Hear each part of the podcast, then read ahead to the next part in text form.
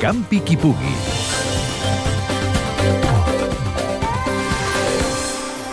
Uns 400 atletes participaran aquest diumenge al Cross de Call d'Atenes, un dels més matiners i emblemàtics del calendari atlètic català. Les curses comencen a les 10 del matí amb l'Alaví femenina i acaben a quarts d'una amb les promeses i sèniors masculins. Martí Pedrós, del Club d'Atletisme Call d'Atenes, és el portaveu del comitè organitzador. Vam començar a implantar l'any passat una mica de, de prèmit als, als clubs que realment eh, inscriuen la, els atletes i que, i que participen realment, els, els premiem i els hi penalitzem si els han inscrit i no els han, no els han diguem-ne, vingut a participar. Llavors, en aquest aspecte, eh, la participació real, no la, la que són inscripcions, doncs sol ser entre uns 375 425 cada any. Un dels valors més preuats del cross usonenc és la seva història. La d'enguany és l'edició número 56.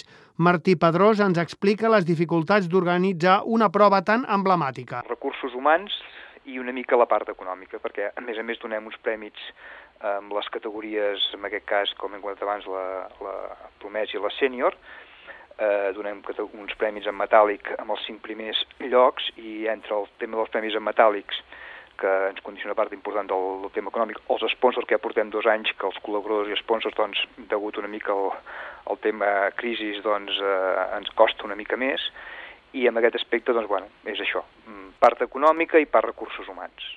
L'any passat es van fer unes modificacions al circuit tradicional per culpa d'unes obres a la zona esportiva. Enguany es repeteix el recorregut. Es fan diferents recorreguts i més voltes o menys voltes i només amb la categoria, diguem-ne, més alta, que és la, de, la dels eh, promeses i sèniors masculí, és on el recorregut doncs, té un, un tram entremig que, que fa una mica de pujada amb un, amb un turonet. Els altres són, és un circuit bastant pla. La Federació Catalana ha decidit que el cross de Call d'Atenes sigui pels cadets júniors i juvenils classificatori per un altre cross de gran renom, el del Goibar al País Basc.